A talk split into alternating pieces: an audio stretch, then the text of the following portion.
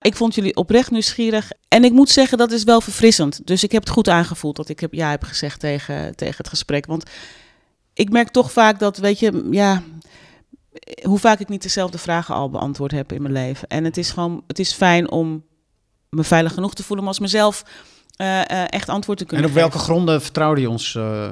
Eerdere ervaringen, uh, resultaten uit het verleden. Ja, zijn de garantie zijn voor de absoluut toekomst? in ieder geval. Met mij en met Laurens? allebei, Allebei. allebei, ja.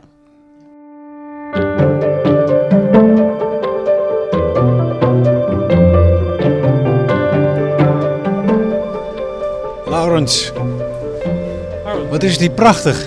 Is Den Haag. Ja, het is de Oude Molstraat. We lopen nu onder een poortje door. Ja, recht achter ons. We zijn, komen net uit de paleistuinen. Paleis Noordeinde. Waar gaan we naartoe?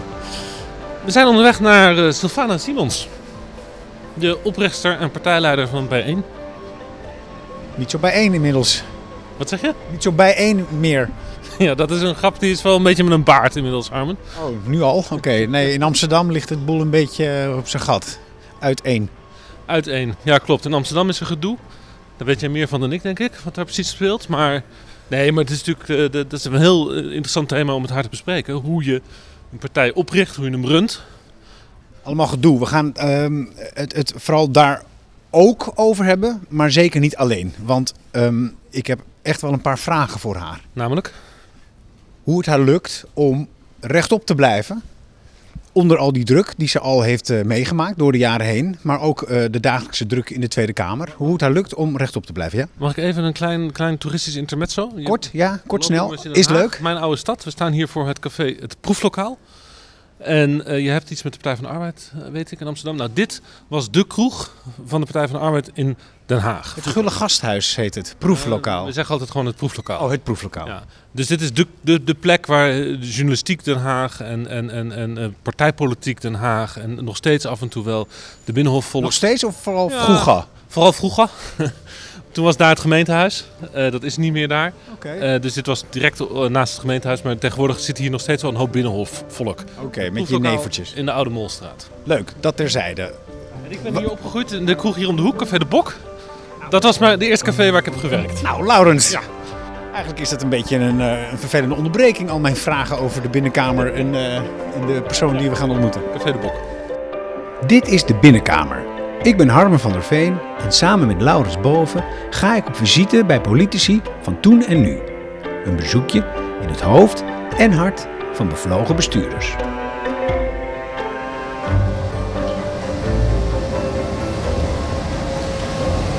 De stoep voor het huis van Sylvana ligt helemaal open. Er wordt gewerkt hier aan het riool. En het wegdek. Heb jij uh, gevonden? Ja, het huisnummer. Aanbellen. Ik hoor niks. Hoor niks, hè? Oh, hier, wacht even. Hier, hier is een cameraatje. Ja, hij is open. Gaat hij, wat? Ja, hij is open. Hij is open, oké. Okay. Allemachtig. Oh. Hey, Sylvana zelf. Goedemorgen. Hallo. Ik zei, ik doe de deur open en dan kom ik om de tussendeur open te doen. Sylvana, we hoorden helemaal niks. Oké, okay, dat komt natuurlijk door de werkzaamheden voor de deur. Er wordt ontzettend hard gewerkt uh, door grote kerels met heel veel herrie. Ja, ja, ja. Je krijgt nieuw internet hier of zo. Ik heb geen idee waar het goed voor is, maar uh, ze gaan nu hun gang maar. Er is altijd ergens goed voor. ja, precies. Kom, neem ik jullie mee. Leuk, dankjewel. Entree. Nog een deur. Entree. Mag ik mijn schoen aanhouden? Mag. Dankjewel. Alleen omdat ik toch nog... Uh, moet stofzuigen. Ik wil best mijn schoen uitdoen, hè? Nee, doe, hou lekker aan. Ik moet echt nog stofzuigen. Kan ik alvast beginnen met het rondje koffie, thee, limonade? Heel graag. Ik hou van koffie met melk en een beetje suiker en een glas water. En Laurens tegenwoordig drinkt hij volgens mij koffie met melk. Goed, ga ik aan de slag. Dankjewel. Wat was je aan het doen op het moment dat wij aanbelden? Nou, ik was de boodschapjes aan het uitpakken. Want ik dacht vanmorgen van laat ik toch uh, naast een kopje koffie ook nog iets lekkers aanbieden. Dus ik ben even de deur uit geweest om wat lekkers voor jullie te halen. Dat is gelukt. appel, uh, ja, kleine appel, appelgebakjes. Ja. ja. Dat lekker. Want je woont dus hier. Ja. Althans, je woont eigenlijk in, in Duivendrecht. Ja. Maar uh, een pied Ja, door de week woon ik hier. Ehm, als eenpersoonsfractie is het natuurlijk sowieso heel erg druk. En we hebben de laatste, het laatste jaar ook wel meegemaakt dat het eh, nachtwerk werd. En dan is het denk ik gewoon het meest veilige.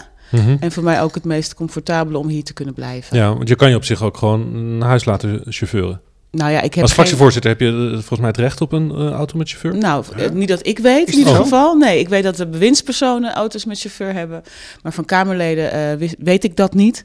Eh, en ik denk dat eh, dit net dit is dan toch een betere Dat is oplossing. toch prettiger, Ja. gezonder ook. Oh ja, ja. Ja. En ja. veiliger, zeg je ook. Ja, veiliger. Het heen en weer rijden midden in de nacht, eh, eh, als je dat eh, te vaak moet doen, dat, eh, dat vind ik niet, eh, niet verstandig.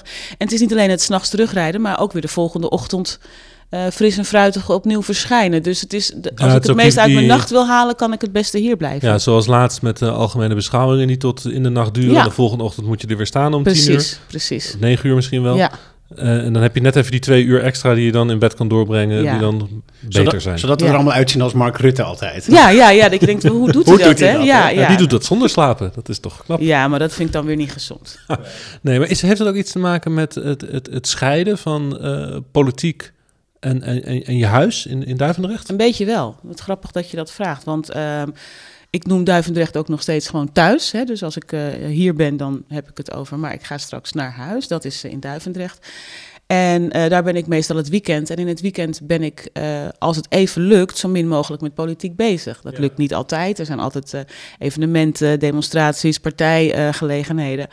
Maar als het even lukt, dan wil ik daar gewoon sil zijn en oma zijn en de buurvrouw zijn. Ja. Dus het is wel fijn om dat ja, te scheiden. Ja, want je bent oma. Je, je hebt geen thuiswonende kinderen meer. Nee. Die zijn nog groter, hè? Ja. ja. Ja, dus, dus wat dat betreft is, is, is Duivendrecht ook wel alleen dan misschien. Ja, maar dat vind ik heel fijn. Ik vind het heerlijk om eh, eh, alleen thuis te zijn, in de stilte te zitten, zonder radio of televisie.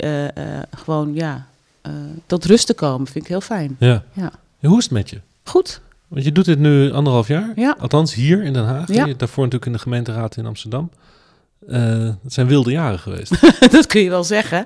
En het zijn nog steeds wilde jaren. Politiek is nooit saai. Eh, ik moet zeggen dat het, eh, ik zeg steeds, naar omstandigheden goed gaat.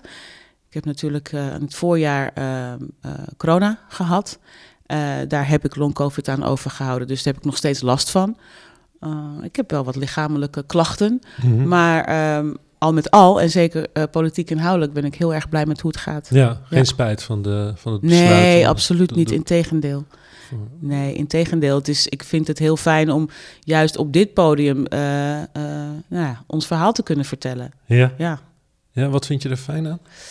Ehm, je kunt effectief zijn in de Tweede Kamer. En dat kan op verschillende manieren. En ik heb het idee dat wij dat met bijeen zeker zijn. Eh, zowel in onze bijdrage, het verhaal dat we vertellen, eh, dat wezenlijk anders is dan van, van heel veel andere partijen. En dus ook een wezenlijke groep mensen vertegenwoordigt die dat eigenlijk niet zo eh, gewend Mhm. zijn. Moeten we het zo meteen even over hebben, over wat dat verhaal dan precies is. Ik ben heel benieuwd hoe je dat, dat verwoordt. Ik vroeg me wel nog even af, als je zegt van, dat je het eigenlijk prettig vindt en fijn vindt om in de Tweede Kamer te zijn. Dat zijn woorden die nou de laatste tijd niet echt geplakt worden op het werken in de Tweede Kamer. Oh, maar ik zeg niet dat het makkelijk is of dat het altijd. Eh, ehm, nou ja, hoe moet je dat nou zeggen? Dat, het, is, het is heel zwaar. Het is een zware baan. Eh er gaat ontzettend veel tijd en energie, voorbereiding, leeswerk, nou, ik noem het altijd huiswerk in zitten. Maar ik ben wel heel blij dat ik met mijn partij, die ik eh, toch eigenlijk nog niet zo heel erg lang geleden heb opgericht, nu al hier een plekje Ja, heb. En dat de, de, de toon in de, in, in de Kamer, de omgangsvormen, de, de, de hardheid, de, de persoonlijke aanvallen. Ja. Het zijn allemaal dingen waarom eigenlijk heel veel mensen ook zeggen, politiek, mij niet gezien. Nou, dat begrijp ik heel goed. Het is, eh, het is eh, niet eh, van. ik ga eens even van 9 tot 5 gezellig met collega's verkeren en dan weer naar huis. Het is, het is echt wel pittig. Maar Dus het vechten. soms wel. Dit is mijn eerste periode, dus ik heb geen vergelijkingsmateriaal. Ik Nou, kan je had niet- de Amsterdam wel, de gemeenteraad. Maar daar heb ik ook een pittige tijd gehad. Ja. Hè? Dus ik ben, ik ben eigenlijk niet anders gewend dan dat het pittig is en dat het soms persoonlijk wordt. Eh, en dat je moet, eh, eh, moet vechten om je verhaal kwijt te kunnen. Maar als je dat dan op het landelijke podium kan doen, en ik vergelijk dat met Amsterdam, dan vind ik, dat, vind ik het heel prettig. Ja, en je zegt ook, ik ben hier van groot effect. Dus, Ja. dit, dus als ik al iets wil, dan moet ik het hier doen in Den Haag. Ja. Effectiviteit gaat ook gepaard met, met, ehm, met leren. Dat je, dus, Ja. dat je dus effectief wordt. Ja. Want wat, wat, wat volgens mij soms jou dus wordt aangerekend... en waar je volgens mij ook zichtbaar dan last van hebt... en wij als televisiekijker ook dan opnieuw weer naar kijken, is dat dan, dat dan de emotie wordt op jou geplakt van eh, ze irriteert zich, ze is boos. Ehm, en, en, en dan zie ik ehm, dat je daar fantastisch mee omgaat. Dank. Ja, maar dat heb je denk ik moeten leren, want, want, Ja. want anders ben je ook niet effectief. Nou ja, dat is een van de dingen die ik natuurlijk niet alleen maar in de politiek heb moeten leren, maar in het leven. Eh, eh, dat is een houding die ik eh, al mijn hele leven meemaak. Hè. Een, een houding die al heel snel, ehm, als, laat ik het zo zeggen, ik heb in heel mijn leven al meegemaakt dat simpelweg aanwezig zijn in de ruimte wordt ervaren als een aanval op iets. Dus dat op zich is niet zo nieuw voor mij. Eh, het is natuurlijk af en toe echt wel frustrerend dat je, eh, zeker als eenpersoonsfractie, heel hard werkt, heel erg met de inhoud bezig bent. En mensen jou benaderen als, eh, alsof dat niet zo is. Dat is absoluut pijnlijk en vervelend. Maar dat maakt niet dat ik mijn werk daardoor niet leuk vind. Of dat ik het effect dat we hebben daardoor niet eh, kan blijven waarderen. Nee, maar wa- was je effect, is je effect groter geworden?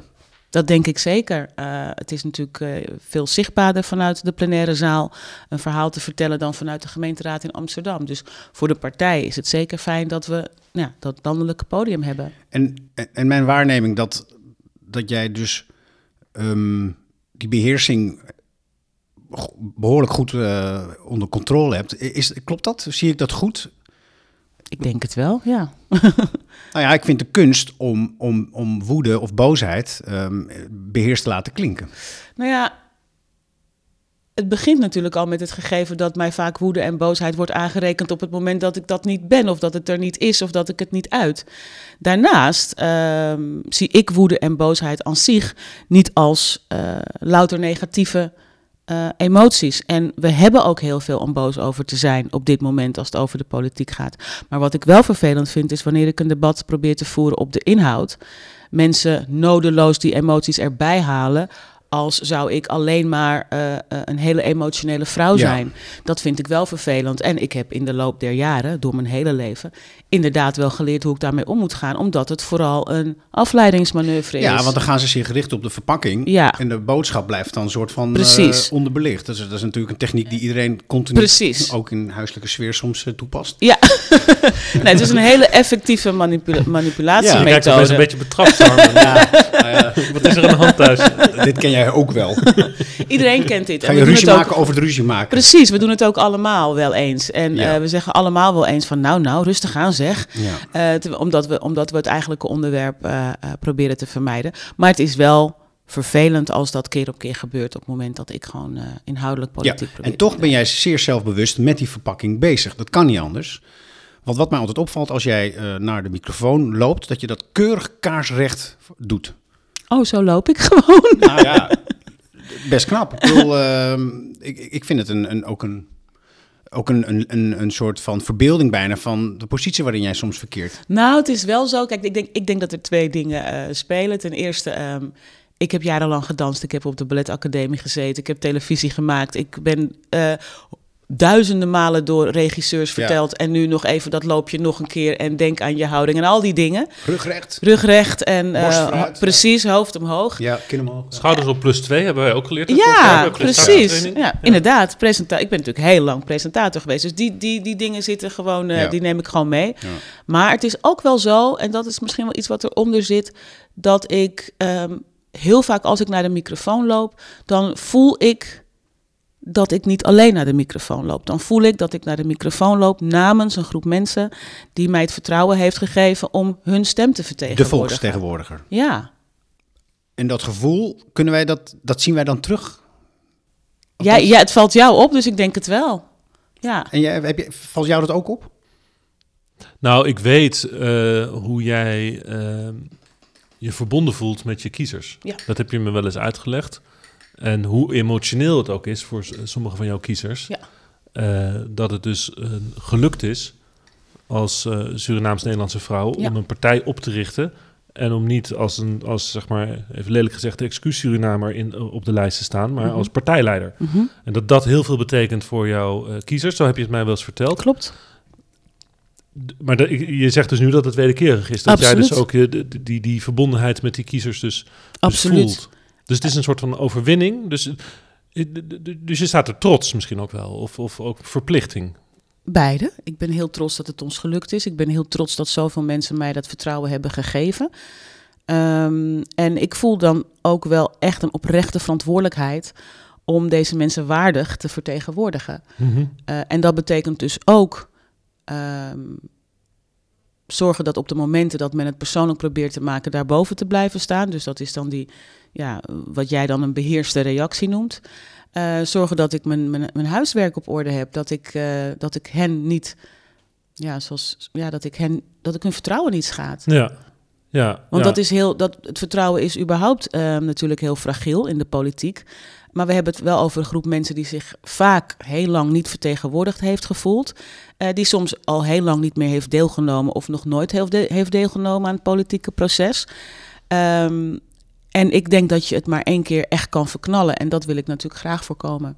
Oké, okay, dus het is ja, bewustheid, bewustzijn ja. En, ja. en, en, zelfcorrectie. Ja. Maar Stefane, dan, dan is wat er nu speelt binnen jouw partij, dat, dat, is, dat is wel echt erg vervelend. Helemaal omdat je het niet wil verknallen, kijken we nu naar de Amsterdamse ja. fractie die uit elkaar is geknald. Ja, ja dat is natuurlijk meer dan pijnlijk. En Ja. dan druk ik het heel voorzichtig uit. Want Je mag ook onvoorzichtig je uitdrukken. Nou, je bent dat- thuis. daar wil ik dan altijd wel voorzichtig in zijn. Omdat Oh ja, ook dat, is onder, ook dat is onderdeel van mijn verantwoordelijkheid. Om niet ehm, onnodig olie op een vuurtje te gooien, bijvoorbeeld. Maar het is heel erg pijnlijk en treurig voor mij om te zien wat daar gebeurt. Ik heb met eigen handen die afdeling ook opgebouwd. Dat is ik heb kindje. dat is mijn kindje. We hebben veel aan de Amsterdamse afdeling te danken. We hebben een gigantisch mooi succes behaald bij de laatste gemeenteraadsverkiezingen. We werden de twee na grootste partij in de stad. Nou, dat is, Wat een feest. dat is, dat is echt ongekend en Hoeveel, hoeveel fractieleden zijn dat? Dat waren er drie op dat moment. Ehm, en als je dan ziet dat dat eh de mis... tweede winnaar van de verkiezingen, zomaar zeggen. Ja, en voor ons een grote overwinning, omdat we eh, een heel stadsdeel eh, op de kaart hebben kunnen zetten als het gaat over Amsterdam Zuidoost. Maar ook omdat we zagen dat we ook in Zuid, in West, in het centrum, in Noord, we hebben het gewoon heel goed gedaan. Ja, en nu ligt dat eigenlijk even in scherven. Ja, en dat is, eh, nee, dat is pijnlijk. Wat vind je ervan? Ja, het pijnlijk. Ja. Ehm, On- onherstelbaar? Of? Ehm, de laatste ontwikkelingen zijn dat een van de drie eh eh bijeenraadsleden zich heeft afgesplitst. Dus dat is onvermijdelijk, dat is gebeurd. Carla Kabamba. Ja, die gaat in haar Wat een naam overigens. Dat ben je, dan ben je toch al... Sorry, ik weet niet hoe Zo, je... Dan ben je al een, hè? ja. Ja. dan ben je al een, al een action figure. ja, straalt heel veel kracht uit. En het is ook een hele mooie, krachtige persoonlijkheid. Dus Ja. eh, het is ook jammer dat we dat verliezen in Amsterdam. Aan de andere kant, ehm, nou, je had het net over thuis. En eh, volgens mij hebben we allemaal kinderen. Van jou weet ik het niet zeker. Je hebt ook kinderen. Twee meiden, Twee meiden. 15, 13. Nou ja, al- vanuit, vanuit het perspectief van. ehm, vanuit dat perspectief denk ik dat we ook allemaal weten dat je soms met ledenogen moet toezien hoe mensen waar je heel veel van houdt, dingen doen waarvan je denkt, oh, ik weet niet of het verstandig is. Eh, maar het is jouw pad, jouw leven en, eh, en ik, zal, ik zal dat proberen zo goed mogelijk te supporten. Dus ik kijk ook naar die afdeling en denk, vervelend, pijnlijk, jammer. Maar ehm, ja, blijkbaar, blijkbaar is dit het pad van de Amsterdamse afdeling. Maar de metafoor die jij oproept is dus een moeder. Je voelt je, ja, ja, jij, jij kijkt als een moeder. is mijn kijk, kindje. Ja, en Ja. je kijkt naar jouw kinderen, die, die, die dus nu eh, keuzes maken waar jij, eh, die, die pijnlijk zijn. ja. Maar lukt, het- lukt, Ja. je bent ook de partijleider. ja.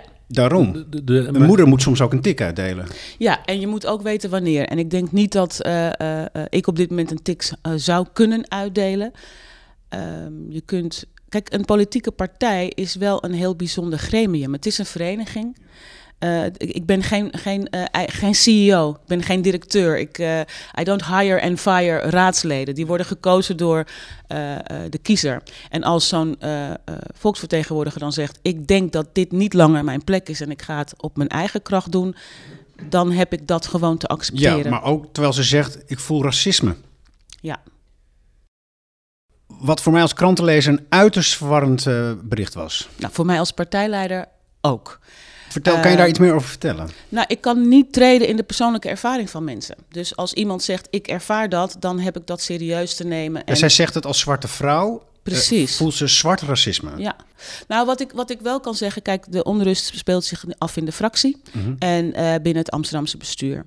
En ehm, beiden hebben aangegeven, nou wij, hebben, wij, wij ervaren of hebben ervaren anti-zwart racisme. Ja. Daar worstel ik zelf ook mee, omdat ik me afvraag hoe je als ehm, zwart persoon op zeer prominente plekken binnen de partij, als voorzitter of als bestuurslid of als nummer twee uh, als raadslid, uh, hoe, ik, hoe ik dat moet zien. En daar heb ik niet, daar heb ik geen zicht op, want daar heb ik geen informatie over. Maar wat, dus, wat is een dus zwarte persoon?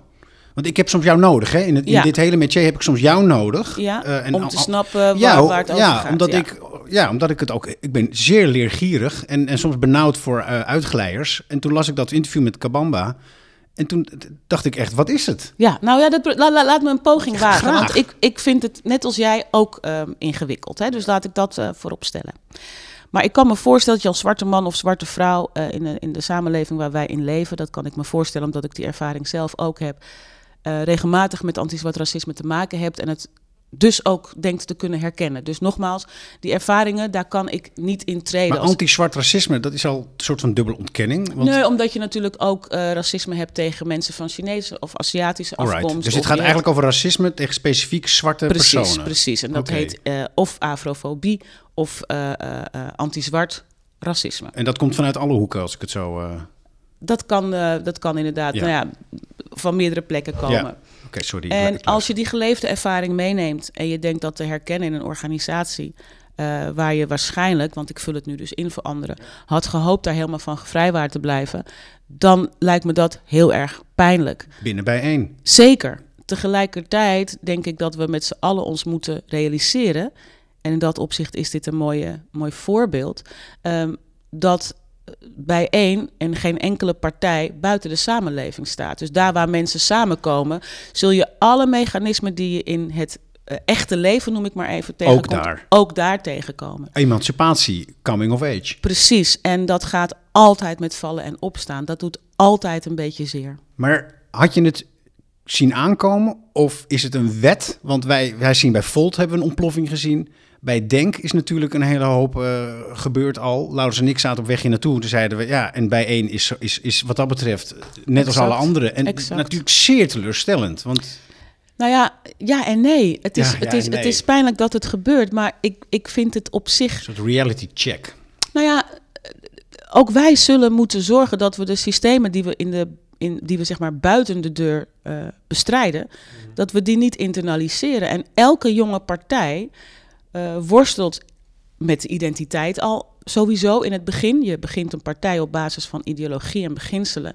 Mensen voelen zich aangetrokken en verwachten misschien iets heel anders. Uh, maar moeten ook allemaal, en dan, daar begon ik over het feit dat we een vereniging zijn. Wij moeten ook allemaal leren dat wij zijn de partij. Allemaal. Iedereen die bij de partij betrokken ja. is. Dus je, je, je, en, en ja, maar Denk lijkt het nu te geluk te zijn. Hè? Die, die hebben hun conflicten gehad. Daar ja. ben je er ook zelf ook deel van geweest. Ja. Dat heb je meegemaakt. Ja. Maar um, er was trouwens laatst in de Kamer dat Pieter Heerma ja, tegen jou zei van... van Simons van Denk. Van Denk dat, dat was, een klein moment van hilariteit. Ja. Uh, maar... Um, maar die hebben hun conflicten gehad tussen Usturk en, en, en Kuzu. Uh, ja. uh, Usturk is nu weg. Het lijkt daar nu rustiger te gaan ja. na die laatste verkiezingen. Uh, dat is voor jou dan misschien ook een beetje het lakmoesproef van, van hoe kom ik... Uh, je hebt een 17 meegedaan, toen ben je niet in de Kamer gekomen, ja. 21 wel. Hoe kom ik de volgende verkiezingen door? Ja. En, en houden, uh, dan word je als partij langzaam volwassen misschien. Je moet gewoon vlieguren maken je als moet vlieguren maken, je moet ook de kans krijgen om die fouten te maken. Een organisatie moet, moet, moet groeien. En um, ik moet er toch bij Maar maakt het je niet nerveus? Want de, de, dit is een hele spannende tijd dus voor jou. Van overleeft mijn partij die ik vijf, zes jaar geleden heb opgericht. Daar maak ik me geen enkele zorgen over, omdat ik zie dat uh, het werk dat we doen in de Tweede Kamer ontzettend gewaardeerd wordt. Mm -hmm. En we zijn meer dan de Amsterdamse afdeling. Het is pijnlijk, het is vervelend. Ik, ik bedoel, ik, uh, ik heb er heus wel eens een nachtje slecht van geslapen. Heb je jezelf ook iets verweten tijdens dat slechte slapen? Niet echt, omdat uh, ja, Kijk, ik ben partijleider, ik ben fractievoorzitter in de Tweede Kamer. Ik ben geen onderdeel van de Amsterdamse afdeling. Dus ik, ik, ik heb niet het idee dat ik. Uh... Maar als buitenstaander vind ik dat gewoon moeilijk te geloven. Want je bent sowieso het, het boegbeeld. En je komt uit die fractie. Je, bent, je was Amsterdam. Mm -hmm. Je verlaat het. Ze blijven achter. Dat gaat dan wat mis, want moeder is van huis. Oké, okay, daar ga ik allemaal in mee. Maar, maar, maar je, je bent er toch echt, toch? Nee, ik ben niet de partij. Ik ben niet de partij. Ik ben niet uh, voorzitter van het bestuur. Ik zit niet in het bestuur. Ik zit niet in het lokale bestuur. Uh, ik ben niet de partij. Ik ben wel de partijleider die met pijn in het hart ziet wat er gebeurt. En uh, hier en daar natuurlijk hoopt van waarde te zijn als het gaat over um, ja, advies, noem ik het maar even. Uh, maar tegelijkertijd is het ook voor mij echt heel duidelijk um, dat het niet mijn plek is om te bepalen wat er in Amsterdam allemaal gebeurt. We hebben nog meer afdelingen, het zijn zelfstandige afdelingen. Ik ben met ze begaan. Uh, politiek ben ik de leider van de partij. Maar ik, ik, ik, ik, ik denk dat het heel ongezond zou zijn als ik als een, nou ja, werkelijk als een uh, dictator of een ja, alleenheerser. Want dat zou jezelf dan, dat zou verwijtbaar zijn. Dat, dat denk ik wel. Daar heb je dan ook over nagedacht. Dat van. denk ik wel. En ik denk ook niet dat dat gewaardeerd zou worden door de ja. afdelingen. Je hebt me wel eens verteld over wat er met je gebeurde op het moment dat je politicus werd. Kan je me daaraan herinneren? Zijn, uh, wat heb ik toen tegen je gezegd? Het contact met je vrienden. Ja, ja, ja, absoluut. Ja. Nou, toevallig dacht ik daar vanmorgen nog aan, want ik dacht ook, oh, er is een vriendin die moet ik nog even bellen, want we zouden nog uh, afspreken. En toevallig dacht ik daar vanmorgen weer aan. Um, een van de grote offers die uh, ik wel heb gebracht, uh, sinds ik in de politiek zit, is dat privéleven. Dat um, ik niet meer uh, onbeperkt beschikbaar ben voor vrienden, familie, geliefden. En um, ja, dat er toch wel heel vaak afgebeld moet worden van, oh, er is toch een vergadering tussendoor gekomen of ik moet toch nog een paar belletjes plegen. Um, ja, dat is wel, uh, dat is, dat is ook wel een groot offer wat je. En mensen, en mensen die zich van je af hebben gekeerd. En mensen die uh, hebben gezegd: Oh, maar Sylvana, ik vond je altijd heel erg leuk. Maar als je deze kant op gaat, dan, uh, dan scheiden hier onze wegen. Ben je als eenzaam? Ik ben nooit eenzaam. Ik ben graag alleen. Zo, nooit dat zeg je eenzaam. snel. Nee, okay, nee, wel, nee. Je bent graag alleen? Ja, en nooit eenzaam. Hoe doe je dat? Nou ja, uh, mensen zullen het wel weer ijdeltuiterij vinden, maar ik kan het echt goed met mezelf vinden. ik ben echt heel leuk gezelschap voor mezelf. nou, maar ik werk al 25 jaar in het publieke domein. Overal waar ik kom, ja, maar, kent men mijn gezicht. Maar dus de momenten dat ik eventjes met mezelf alleen kan zijn, mezelf kan horen denken, geen uh, verplichte sociale contacten hoef Mhm. te hebben en vooral ook even geen mening over zaken hoef te hebben, nou, dat vind ik heel erg prettig. Maar juist mensen in het volle licht hebben, hebben gevoelens van eenzaamheid. En daar lezen we dan vaak later over als ze gaan bespiegelen. Nou, dit is wel, vind ik, hopelijk een moment om te bespiegelen. Um, en, en, en, en heel veel mensen vinden dat dan verbazingwekkend. Want kijk, hem en voor haar is dan sociaal zijn. Um, en dan blijken ze soms dus gevoelens van eenzaamheid te hebben. Is dat misschien, als ik het dan zo zeg? Nee, ik heb dat echt ook niet. Echt niet. knap. Ja, ik denk dat het ook te maken heeft met. Uh, ik ben een. Um, een uh, gecultiveerde extravert, uh, uh, extravert persoon. Dus um, ik kan heel goed functioneren in het sociale en het publieke.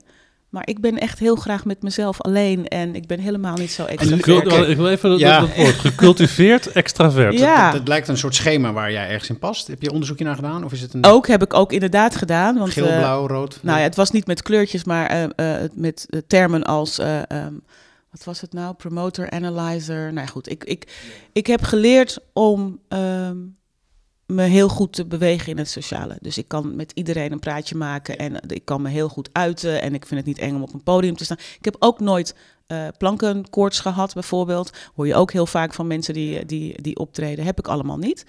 Maar van binnen ben ik introvert en hou ik van rust en hou ik van uh, de ruimte om mezelf te horen denken. Dus je hebt geleerd om extrovert te zijn? Ja, ja, en dat kan ik heel goed. Dat moest je aanleren om vanwege. Het... Ik denk om te overleven in de, de werelden die ik gekozen heb om bijvoorbeeld mijn geld te verdienen. Maar het, is, het is wel een beetje een paradox om als, in, in, als introverte, hè, diep van binnen, dit carrièrepad kiezen. Ik weet niet hoe ver je je carrière gekozen hebt. Soms of komt je, je dingen, maar zult zijn over hoeveel uh, mensen waarvan je denkt dat ze extravert zijn, eigenlijk introvert zijn.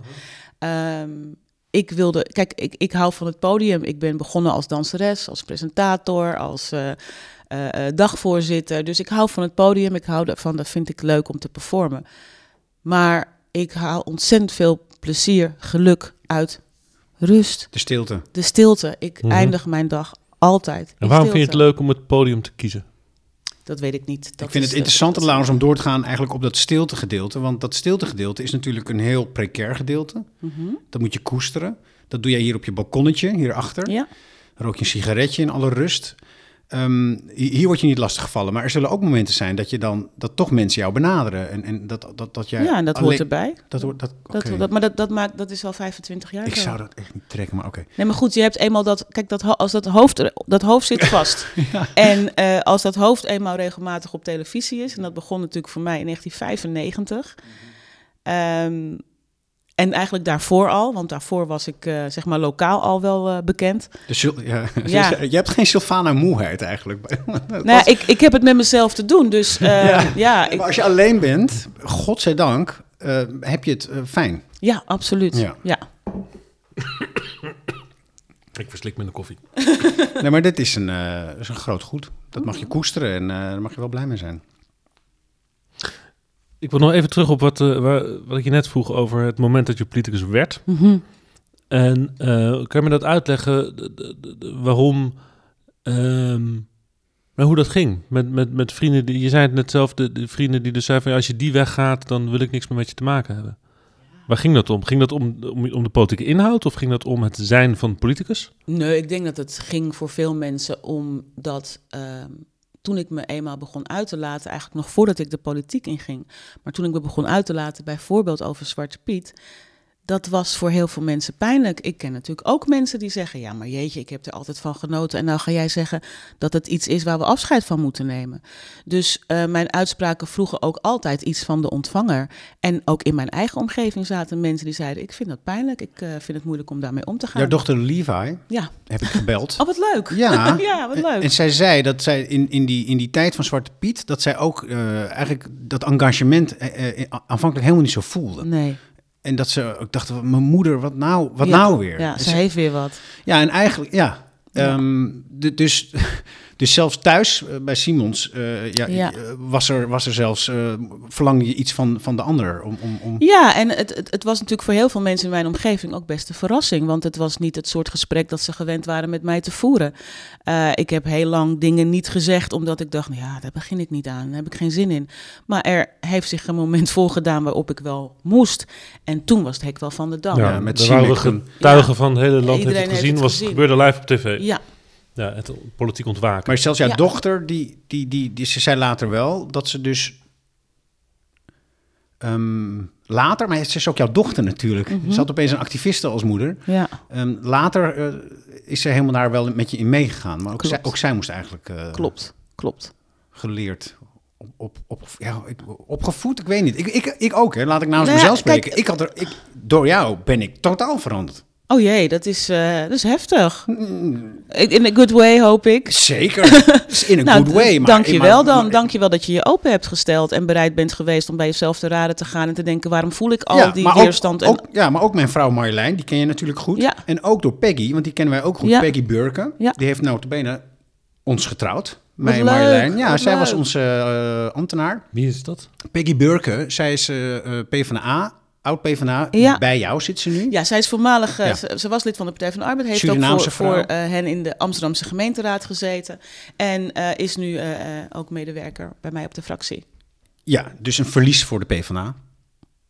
Maar haar hart zit volgens mij nog heel dicht, want ik las laatst weer iets in de krant. Nou, maakt niet uit. Maar zij heeft ons getrouwd, mij en Marjolein. En het was Peggy Burken die Ja. ook eigenlijk als eerste... Ja. En jij begon, eerlijk is eerlijk, jij begon. En toen kwam het ongemak de fractie van de PvdA binnen. En toen zei Peggy ook... Ja, de Sinterklaastijd is gewoon al jaren mijn hele leven gewoon niet zo'n leuke tijd. Klopt. En ik wil heel, heel even, het, het, het begon niet met mij, hè. Het begon echt met eh, de activisten die aandacht vroegen eh, eh, voor Zwarte Piet. En door hen kreeg Quincy toch is dat, of niet? Quincy, Ja. eh, eh, eh, Jerry Afrië, Ja, dat zijn echt, zij hebben het op de kaart gezet. absoluut. Dus ehm, ik mag die credit zeker niet nemen. Maar ehm, ik heb wel op enig moment mijn mond open gedaan en besloten van ik ga het platform dat ik heb, de bekendheid die ik heb, ga ik inzetten. En het was voor iedereen ongemakkelijk. Ook voor mij, ook voor mijn kinderen, ook voor mijn buren. Want opeens moest je het met elkaar erover hebben. Wat En een proces. en er werd opeens ook positie gevraagd. Ja. Ben je voor of ben je tegen? En dat is in, in vriendschappelijke relaties, in familierelaties, dat is best wel heftig. Ehm, ik ben ook wel eens ergens op een familiebijeenkomst binnengelopen en het viel stil eh, in de kamer. Zo Wat? van, oh, oh, Oh, mijn god. heb je haar weer met de heftige uitspraken en Ja. welke kant zal het opgaan? Het is nooit mijn bedoeling geweest om te polariseren, maar wel om uiting te geven. Want je zegt het echt terecht. Neem nou iemand als Peggy, die dan na jaren Ja. zegt... Ja, nu het er toch over gaat, kan ik eigenlijk ook wel vertellen hoe het voor mij al die jaren is geweest. Hè, dus, ik- dus, dus ik heb wel een, ehm, een deur opengezet. Ehm en uiteindelijk zijn we nu een aantal jaar verder. En zie je dat, eh, nou ja, de, de, de angel is er wel uit. De meeste mensen zijn tot inzicht gekomen. En ehm, ja, Maar je zei net dat het op familiebijeenkomsten bij, waar je dan binnenkwam ook stil, stil viel. dat is wel eens gebeurd, ja. Van, Ook oh, al voordat ik in de politiek zat, hoor. Want ik zei Oh, wel eens vaker dingen die niet iedereen eh, makkelijk vindt. Oké. Ja. Dus het gevoel van, kijk uit als je met Sylvana praat, dat, dat, dat, dat is ook eh, wel een Oh, maar dat is echt al iets van mijn hele leven hoor. Dat is altijd al zo geweest. Ik, eh, ik ben altijd al een beide handje geweest. En zo sta ik ook bekend binnen de familie. Ik heb een bijzondere plek, zeg ik altijd. Ik ben de jongste. Ik ben een nakomertje. Ehm, en, eh, ja, maar jij bent ook dan... maakten ze, maakten ze zich Ja. ook eh, zorgen over van, kijk uit waar je aan begint? Natuurlijk. Ja, want jouw familie, dat zijn, dat is- zijn Surinaamse Nederlanders ook? Ja. de- Ja. En, en, en die hadden liever niet dat je dit punt, terwijl ze de pijn zelf gevoeld zullen hebben over Zwarte Piet, van ja, begin er nou niet over, want eh, Nou, mijn moeder die zei in het begin tegen mij... Hé, Sil, je maakt nou niet zoveel golven. don't Eh, rock the boat, golf, ja, golf, want, precies. waarom niet? Ehm, nou, omdat de levenslange opdracht voor mensen die van elders komen, ook al zijn zij ingezetenen van het koninkrijk, is: doe rustig, pas je aan, val niet op. En terwijl je aan het, niet aan het opvallen bent, ontwikkel je. eh, want eh, word op zijn minst dokter of eh, advocaat. Je hebt altijd een opdracht. En die opdracht is: zorg dat de mensen die hier al waren geen last van je Malik? Asmani. Waarom niet? Malik Asmani, dat is- moet ik aan denken. hebben. Ja, sorry, jij moet aan Malik Asmani Ja, denken. die zit in onze podcast en zijn kunst is aanpassing. Ja, Hij zei ook, hij is extreem Ja. omgevingsbewust. Hij heeft ook voor deze microfoon gezegd, mijn kleding pas ik aan, Alles, mijn ja. tafelmanier pas ik aan. En dat is het, het lot eigenlijk van een, van een halfbloed. eh, van een, een, een ja, ah, hij heeft een Friese moeder en een Marokkaanse vader, maar hij is gewoon Marokkaan. Ja. En dat kost voor hem ook een poosje. Nou, dat zit, het zit in onze podcast. En, en die, dat bewustzijn heeft hem totaal gecreëerd. Ja, het is, het is echt een stille opdracht ook. van ieder migrantenkind. Eh, don't rock the boat. Wees niet goed, maar beter. Hè, dus eh, eh, goed is, is, is, is in die context gewoon echt niet genoeg. Je moet, je moet Maar maakten ze zich ook zorgen, je moeder? Natuurlijk maakte ze zich zorgen. Ik bedoel, er kwam een stortvloed aan bedreigingen, lelijkheid, narigheid. En eh, mijn moeder is mijn moeder. Dus natuurlijk gaat ze, maakt ze zich zorgen om haar kind. Ze zegt ook altijd van ja, je blijft altijd mijn baby. Dus eh, natuurlijk maken ze, ze zich zorgen. En ze vroegen zich natuurlijk ook af, is het nou nodig? Er zijn andere dingen die je kunt doen en andere dingen die je kunt zeggen. En je hebt ook talenten op hele andere vlakken. Maar voor mij was eh, met dat moment met Simek, dat was voor mij echt een druppel. Toen kon je niet meer terug Toen ook. kon ik ook niet meer terug. Je Dat kon wist natuurlijk ik, wel terug. Je kon natuurlijk gewoon Ik weer niet. in je oude rol vallen. En, ik niet. en dan was het een singular event geweest als je het gewoon één keer had gezegd. En dat maar was het niet. dan. Nee, ik niet. Omdat het ook iets was waar ik me al 25 jaar eh, eh, eh, omhe- omheen aan het bewegen was. Ik wist dat ik dat al 25 jaar aan het ontlopen was. En de reacties die ik kreeg, de stortvloed aan haat en lelijkheid, maakte ook dat ja, ik ben niet iemand die daar ehm, aan toe wil geven. Maar ik begrijp wel dat jouw moeder zich zorgen maakt. Want het gaat ook, ook, ook over jouw lichamelijke eh, veiligheid. Ik bedoel, bedreigingen, het, wordt, het wordt steeds erger. Ehm, ben je wel eens bang dat je aangevallen wordt? Niet meer, maar ik ben wel een tijdje bang geweest. Hoewel ik dat op dat moment helemaal niet aan mezelf kon toegeven. Maar achteraf me realiseerde, jawel, je bent echt wel bang geweest. Kan je daar iets meer over vertellen? Ehm, nou ja, mensen vinden, ik- weer, weer, mensen zullen het ook dit ingewikkeld vinden, maar ik ben niet iemand, ik ben heel erg conflictmijdend. ja, Sorry, ik lach maar even. Ja. nee, dat, nogmaals, mensen vinden ook, ook dat raar. Alleen het is wel zo, als het conflict mij eenmaal heeft gevonden, dan ga ik het niet uit de weg. Dus het werd heel heftig en ik, kon, ik wilde daar niet voor weglopen. Ehm, toen ik op een gegeven moment, nadat het, het is een tijdje ontzettend erg geweest, heel veel bedreigingen en eh, beveiliging. En toen ik op een gegeven moment tegen een vriendin zei van, ja, maar ik was niet bang. Toen zei ze, oh, je was niet bang. Waarom heb je dan de afgelopen vier maanden beneden op de bank geslapen? Eh, ehm, en toen dacht ik, oh ja, misschien was ik wel bang. Alleen bang zijn betekent voor mij niet automatisch me terugtrekken. Ik dacht, ik lig beneden op de bank, want als jullie komen, dan overval je mij niet boven in de slaapkamer, maar dan ben ik hier alvast beneden. Ehm, dus dat is, dat is gewoon ja, hoe ik met dat soort Je situaties bedoelt, omga. ik word liever op de bank eh, overhoop eh, gestoken dan in mijn eigen bed. Nee, maar je kan makkelijker weg. Bijvoorbeeld. Weet ik niet. ja, Ik bedoel, bijvoorbeeld. Welke, die of die? Want, Ja, nou, als ik beneden was, ehm, dan had ik het gevoel dat ik meer controle had over de situatie dan wanneer ik boven, eh, eh, twee trappen hoger, niet vermoedend lag te slapen en misschien niets kon horen. Eh, eigenlijk ir- ook eigenlijk irrationele angst, maar wat ik daar van mezelf, wat ik daarin over mezelf geleerd heb, is dat ik eh, ondanks angst, ondanks verdriet, ondanks teleurstelling, eh, altijd nog wel ehm, dingen aanga. Dus dat ik er niet voor wegloop. nee. Maar in je eigen huis, dus niet dit huis, maar je echte thuis, Ja. hield je rekening met iemand die naar binnen zou. ja, en daar had ik alle reden toe. En er stond agenten, zo'n zo'n ding voor je. Nou, er stond geen, eh, geen vaste... Er was beveiliging. Er was beveiliging. Wat een prijs eh, Ja, voor het zijn van volksvertegenwoordiger. zeker. En we zien ook dat het sindsdien... Ja, het wordt inderdaad alleen maar erger. Mensen zijn in hun eigen huis niet meer veilig. Eh, ik denk dat er geen Kamerlid is dat niet af en toe een dreigmail of dreigbrief krijgt. Eh, en dat is heel pijnlijk, maar het is voor mij gewoon geen reden om te zeggen, dan doe ik het niet. Het is eerder een reden om te zeggen, oh, maar dan doe ik het wel. Voor kaarsrecht eh, lopen heb je ook stevige botten nodig. Ja. Maar dat is bij jou een probleem. Nou ja, ik ben al natuurlijk al een, eh, een aantal jaren eh, chronisch ziek in de Ja. zin van eh, reumatische artritis.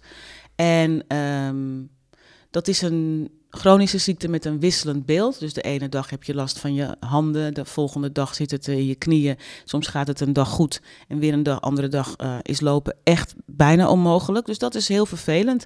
En eh, ik probeer daar omheen te werken. Het is er niet beter op geworden. Sterker nog, het is denk ik wat verergerd, ook nog met de COVID eroverheen. Dus dat zijn wel lichamelijke uitdagingen. Zeker in een vak dat niet van 9 tot 5 is. Maar goed, ook dat, ik, ik heb nog nooit van 9 tot 5 gewerkt. Nee, hè, maar Maar de Dat- slijtage zit dan op jouw lichaam wat Ja. eerder dan bij anderen. ja, en ik, Waardoor, ja, waardoor de prijs die je betaalt ook een fysieke is. klopt. Maar eh, komt er een moment dat, dan, dat daar een punt komt dat het fysieke jou, het, het, het, het lichamelijke eh, jou beperkt door, om door te gaan? Nou, dat moment, als dat komt, zal ik het eh, moment honoreren. Want ik denk dat als het, echt, als het echt niet meer gaat, dat ik het zonde zou vinden om. Ik, ik, ik ga mezelf niet helemaal kapot werken. Maar is dit een rolstoelachtig eh, toekomstding? Weet ik niet. Ik, weet het ook niet. Ik nou, dat de weet ik ook niet. En het is bij elke reuma-patiënt anders. Ja, ja, Ik heb hele goede medicatie. Ik heb een fijne reumatoloog. Ehm, dus ik, ik, ik ga gewoon door zolang als ik kan. En nogmaals, ook hier voel ik de verantwoordelijkheid. Kijk, ik zeg altijd... eh, pijn lijden, moe zijn, eh, verdrietig zijn, uithuilen. Dat zijn de dingen die ik dus heel prettig met mezelf kan doen als ik alleen ben. En als ik aan het werk ben, ik vaar ook voor een groot gedeelte op adrenaline, dan ga ik er gewoon voor. En ik ga tot het gaatje en ik ga tot het uiterste. Dat heb ik aan mijn kiezers beloofd. Ja, En dan kunnen ze van op aan. oké. En dan, nou, toch heb ik het beeld weer, Laurens, ook. Dan uithuilen, eh, moe zijn, dat doe ik liever in mijn eentje. Mis je dan niet een, een lieve partner op dat moment? Of is je er? Of, mis ik iets? Ik weet niet. Nee, nee, die mis ik niet. En ehm, Want die is er niet. ik heb. Nee, die is er niet. En ik. Nee. Nee. nee, nou voel ik me opeens heel zielig. Nou, maar ik vind dat wel zielig voor jou. Want ehm, ik, ook al ben je heel leuk en, en kan je het heel goed met jezelf vinden. Ik vind het heel fijn dat, dat als, als iemand eh, die eenzaamheid... Het is fijn als, je thuis, als iemand is die je thuis, Ja. eh, als er iemand is wanneer je thuis Ja, komt. ik, ik heb dat nodig, maar Ja. ik vind het ook prettig om te geven. Ja, en ik moet ook zeggen dat, jij zegt dat heel mooi, ik vind het ook prettig om te geven. Ik weet niet of ik op dit moment in staat ben om dat te geven. Want veel van mijn tijd, zo niet alle, alle, eh, alle tijd, Ja. gaat naar de partij. Dus gaat dat zou naar dan de iemand zijn die goed kan geven, maar wat minder terugkrijgt. Ja, en, en, en op dit moment denk ik, ja, ehm, is dat de juiste basis voor een relatie? Ik moet zeggen, dat zeg ik altijd, aan liefde heb ik dus geen gebrek. Ja, ik nou, maar ben- intimiteit is toch ook belangrijk? Ik bedoel, eh, ja, Ja. ik, ik kan niet zonder, wie wel? Nou ja, het, je- ik denk dat het ook scheelt dat als het er is, hè, als er iemand is om mee intiem te zijn, dan is het heel fijn. Maar als er niemand is om mee intiem te zijn, dan heeft het ook weinig zin om op de bank te zitten en te zeggen, had ik maar, kon ik maar. Want het is, ik moet er wel bij zeggen, het is ook een keuze, hè. Het is niet, het is, ik, ik, heb, ik, ik, ik zou het jammer vinden als mensen achterblijven met de indruk dat het voor mij moeilijk is om, eh, om eraan te komen. Dat is, dat is het niet. Het Het is staat op een waakvlammetje. het is een keuze. Eh, ik, eh, ik focus me op wat ik op dit moment aan het doen ben. En in mijn geval Eh, ik heb volwassen kinderen, ik heb een kleinkind. Ik heb niet de behoefte om huisje, boompje, beestje En vind maar zijn man, wat, spelen. volgens, volgens mij zijn mannen ook misschien een beetje bang voor, voor jou, omdat je bent wie je bent en de Dat macht. heb ik wel eens eh, gehoord, ja. Ja? ja. ja. En het lijkt me heel zwaar om, eh, om de partner van Sylvana Simons te zijn, om heel veel redenen. Dus als diegene zich aandient, dan omarm ik die met echt heel veel liefde en warmte. Maar op dit moment is Mhm. het niet een, eh, een, eh, een belangrijk punt in mijn leven. Sowieso een leuke man. Ja, leuk is wel het minste wat hij moet zijn. Nee, ja. maar echt leuk, want die is niet bang en... eh ja, zou die bestaan? Als je hem tegenkomt, dan wil ik wel weten dat hij bestaat. houden contact. Ja. Ik heb er een rood hoofd van gekregen. Ik zie het aan je, Harmen. Heb ik altijd als ik me inspann. Zal ik... heel Oh, hard je wilde er nog een glaasje water bij je koffie. Ja, dat heb ik je helemaal meer, niet eh, gegeven. nu een beetje te laat. Maar dat kan ik zo wel even voor je halen, om eh, een glaasje water om even af te koelen. Maar we zijn op zich... eh, ik, ik vind het een heel mooi gesprek. We hebben al een uur. Echt waar? Wat gaat het snel? Goed zo. Ja, nee, dat zo, het gaat heel snel. Nee, zo heb ik het helemaal niet, eh, niet gevoeld. Ik denk, eh, Kom maar op, jongens. kom maar op. Nee, maar weet je, het mooie Heb van... je, heb je dingen verteld die je nog niet eerder hebt verteld? In andere gesprekken? Nou, het is de laatste paar jaar heel weinig over mijn privéleven en intimiteit gegaan. Dus dat vind ik wel spannend. Ehm, ik denk dat ik heb altijd veel over mezelf gedeeld. Dus dat ik een solitair persoon ben. Oh, nou, dat, bijvoorbeeld dat heb ik denk ik nog nooit gedeeld. Ik denk dat veel mensen denken van ja, zij is extravert. Ze wil altijd aandacht. Ze wil altijd gezelligheid. Moet, moet altijd mensen om haar heen zijn. En ik denk dat ik nu wel voor het eerst heb gedeeld van joh, dat, dat, dat beeld klopt Zijn we niet. een beetje in, in, in de binnenkamer van Savannah Klein gekomen? beetje, ja. Klein, Klein beetje, beetje. ja. Ja, dat is toch op de ambitie van deze Ja, dat, maar ik denk dat, eh, dat wilde ik zeggen, het Deze Medium Podcast is ook zo leuk daarvoor. Hmm. Ehm, want op de een of andere manier eh, is het heel toegankelijk en is het echt, het, het- als er een camera bij had gestaan, was ik misschien wat terughoudender geweest. Maar ben je desalniettemin toch op je hoede geweest? Of ben je dat überhaupt? Nou, ik ben wel voorzichtig, maar dat komt ook weer door die verantwoordelijkheid. Hè? Dus ik, ik, ik, ik, ik, ik zoek altijd wel... eh, ik zoek altijd wel naar de juiste woorden, maar dat, dat doe ik denk ik altijd wel. en dat, en dat, precies, en dat lukt jou ook goed. Maar, maar eh, in de overweging om eh, te zeggen, die jongens mogen komen in mijn eigen huis. Ehm, heb je dan als vanzelf een soort eh, beschermlaag, eh, toch, toch? Of een soort. Nee, soort dat, dat, ik, ik zeg ja op basis van vertrouwen. Mhm. En daarna laat ik het los. Ik ben ook niet van tevoren bezig met wat ga ik zeggen, wat ga ik niet Nee, je hebt zeggen. ook niks hier op tafel of zo? Nee, nee, nee, helemaal niet. Dus als ik ja zeg, dat Ja. is eigenlijk een beetje, dat is misschien een beetje de rode draad ook van alles wat we besproken hebben. Als ik ervoor ga, dan ga ik er gewoon Ja. voor. Open. Politici vinden dat wel eng, hè? Want wij zitten nu hier en, en eh, dit stopt pas als wij stoppen. Ja, Dus je ik, bent heb, toch een beetje overgeleverd. Dus dat, ik merk aan politici dat ze dat vaak ook een beetje ik spannend ben vinden. natuurlijk niet echt een politicus. Hè. Ik ben Sylvana Simons en bekend van radio en tv. En ik heb, You know ben ook, en ik heb ook nog een Ja. politieke partij. eh, En ik heb ook gehoord van. Maar mag ik dan misschien toch nog even een Nee, ik wil een- vertellen? Nee, nee, ik wil een grapje maken nu. Een vriendin van jou heeft gezegd... Ja, maar hou hem vast. Een vriendin van jou heeft tegen mij gezegd... dat je ook wel Simone wordt genoemd. Ja, ja, ja. Ik heb vele namen. Simone, Sylvana- Sultana. Sultana? Ja, Sultana komt ook voorbij. Ook I- dat hoor ik al op Twitter. Ik ken je, ik ken je. Simone! Ja, ja, ja. Op straat ook Simone! Whatever. Whatever. Nu jouw anekdote. Ja, geen politicus. Ik weet nog goed dat ik werkte vorig jaar bij de vooravond bij de, eh, als politiek redacteur. En toen had de Tweede Kamer had bedacht van we hebben alle Kamerleden, de nieuwe Kamerleden, gevraagd naar hun favoriete muziek. En Ja. dan hadden ze een playlist gemaakt op Spotify met de Tweede Kamer muziek of zo. En, en daar wilde de vooravond wilde daar een item over maken. En, en toen ehm, had ik jou uitgenodigd. En, en, en ik weet niet meer, er zaten nog wat andere mensen aan tafel. Ik weet niet eens meer wie het waren. Maar die hadden zo totaal geen zin in dat item. En, en die zaten zo achterover, van die mannen. Die zaten allemaal zo achterover, de armen over elkaar. En, en Renze en Fidan die moesten werken als, als Ja, ik weet niet klopt. wat. En het lukte. Het hele item dreigde in de mist te gaan, want niemand wilde meepraten. En dan jij zat er. En wat ik toen wel grappig vond om te zien, dat jij dat door had. Van, Ja. oh, dit gaat fout, hè? Als, als media eh, Precies, ja. persoon. ja. En toen toch een beetje de show gered hebt. Dus Ja. je viel even uit je rol van ik ben hier als politicus. En, en nou laat ik die jongens maar eens even een beetje helpen. Want eh, de show must go on. Ik kan het me inderdaad herinneren. En dat is ook een groot voordeel, ook op andere momenten. Eh, ik weet hoe zo'n talkshow werkt. Ik heb ook op de plek van uh, Fidan gezeten en Renze inderdaad. Hè? En ehm, ja, dan voel je de sfeer aan tafel. Je, je, hebt, je hebt de skills om het, om het op te pakken, om te draaien. Ik zal altijd muziekliefhebber blijven. Ik zal altijd um, Ja, jij was weer de, weer, weer de, weer ja. de, de, de, DJ MTV, wat was het? TMF. TMF, pas op, sorry. Ja, okay. pas op, pas op. Ja. Ja. Niet mijn niche, maar het... het nou, ik zal, wat, ik, wat ik zelf echt echt, echt, echt heel bijzonder vind, is hoeveel mensen tegen mij zeggen: oh, Ik ken je nog van TMF. En denk ik, dat is 25 jaar geleden. En toch, als mensen mij zien, dan zien ze blijkbaar nog steeds dat meisje, die jonge vrouw, uh, die ik toen was. Terwijl voor mij is het zes levens geleden. Dus dat, is, dat, is, dat, dat vind ik wel bijzonder, dat mensen nog steeds die associatie met TMF hebben. Uh, ik zal, dat, dat is denk ik ook de reden dat ik zeg van ja, ik weet niet of ik echt. Natuurlijk, ik bedrijf politiek. Sterker nog, ik heb een hele partij opgezet om politiek te kunnen bedrijven. Dan, dan, dat vind ik redelijk ambitieus. Maar ik probeer heel dicht bij mezelf te blijven. Ik vond leuke kleren vroeger leuk, dat vind ik nog steeds leuk.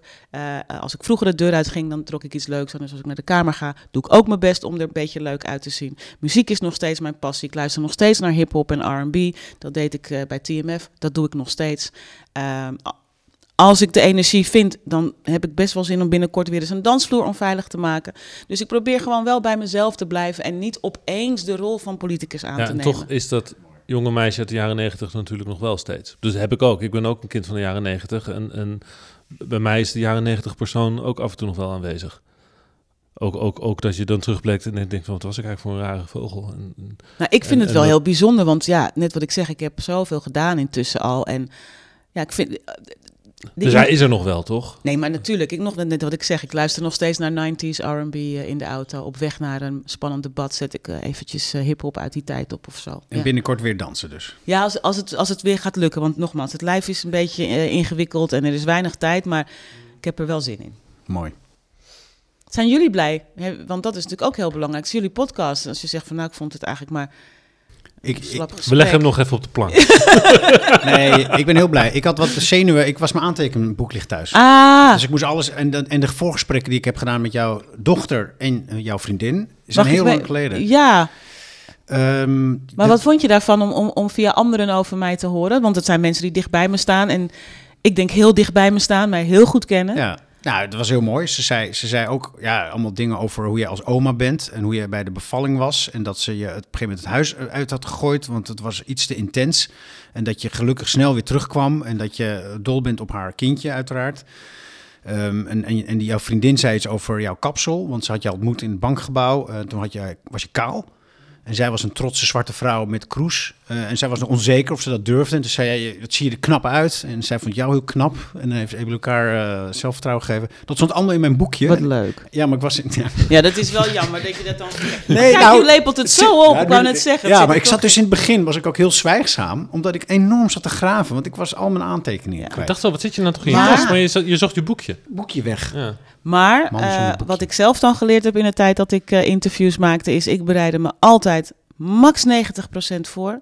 Max. Nee, niet 100. Niet 100, want anders is je oprechte nieuwsgierigheid nou weg. En die heb je volgens mij nodig om een mooi gesprek te nou, maken. Vond je ons oprecht op nieuwsgierig? Ja, ik vond jullie oprecht nieuwsgierig. En, um, en ik moet zeggen, dat is wel verfrissend. Dus ik heb het goed aangevoeld dat ik heb, ja heb gezegd tegen, tegen het gesprek. Want ik merk toch vaak dat, weet je, ja, hoe vaak ik niet dezelfde vragen al beantwoord heb in mijn leven. En het is gewoon, het is fijn om me veilig genoeg te voelen om als mezelf uh, uh, echt antwoord te kunnen En op welke gronden vertrouwde je ons? Uh...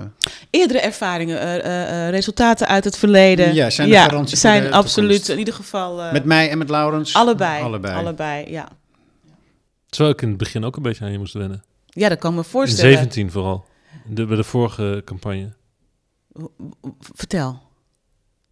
Nou, um, onderweg hier naartoe uh, had ik het al met Harman een beetje over. Van, uh, ik, ik had het. Uh, snij wel weer een heel nieuw onderwerp aan, zo aan het eind van de podcast.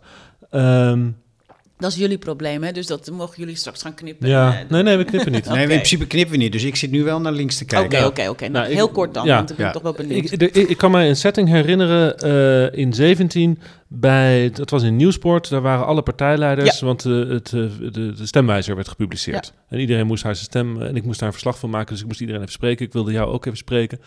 En eh, het klikte gewoon niet. Ik, had het, ik, ik, ik weet niet of je dat moment kan herinneren, Ja. maar ik probeerde jou vragen te stellen en, en het was heel afwerend. Ja. En, en, eh, en ik had... Ik was een beetje boos op je, want Ja. ik dacht, verdorie zegt, nou, nou, ik probeer open en nieuwsgierig geïnteresseerd te zijn in, in wie je bent en wat je komt doen. Ehm, en, en, en ik had het gevoel, ik word hier behandeld als, eh, er komt weer zo'n zo'n zo'n blanke eh, man eh, nee, het met was zo'n meer microfoon. van, er komt weer zo'n journalist en die gaat toch mijn woorden verdraaien en het komt, de juiste quote komt toch niet in de krant. En, zal ik je wat grappigs vertellen, leuke anekdote. Ik was mijn bril die dag vergeten en ik had net een bril.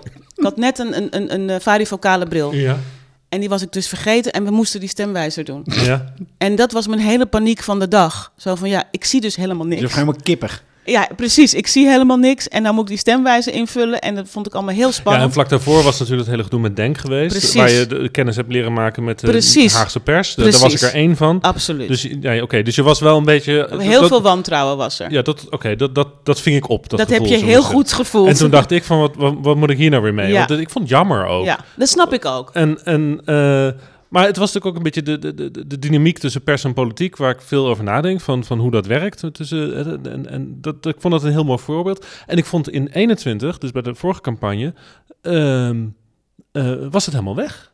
Ik had het idee van, hé, hey, ik zie een andere uh, Sylvana ja, opeens. ik denk dat Nou, ik met ook... bril dus. Met bril, ja. Ik kan nou niet meer... Nu zie ik echt niks meer als ik mijn bril niet opzet. Dus dat scheelt. Ik vergeet hem niet zo vaak meer. Maar, kijk, alle veranderd? negatieve dingen over de pers die, die zijn waar en daar daar mag je alles over vertellen. Maar ik had ook het idee van, ehm, eh, jij bent veranderd. Ja, natuurlijk. Ik was veel meer, zoals men dat noemt, eh, ehm, eh, tot mezelf gekomen in mijn rol als partijleider, oprichter, eh, politicus. Natuurlijk wa- wa- was het heel, ja, absoluut. Dus misschien is het wel goed dat het in 17 niet gelukt was. Misschien wa- was dat Ik- even ik- nodig. Die, die, Ik kan je nog wat bekennen wat ik nog nooit hardop gezegd heb. Ik was op dat moment best opgelucht. Dat Iedereen, je niet de kamer in. Natuurlijk.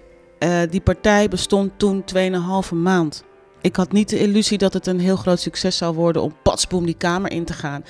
Natuurlijk deden we mee. Natuurlijk wilden we onszelf op de kaart zetten. En als het gelukt was, had ik een heel ander verhaal gehad. Want dan had ik gezegd, nou, wat stoer. Eh, we zijn meteen binnengekomen.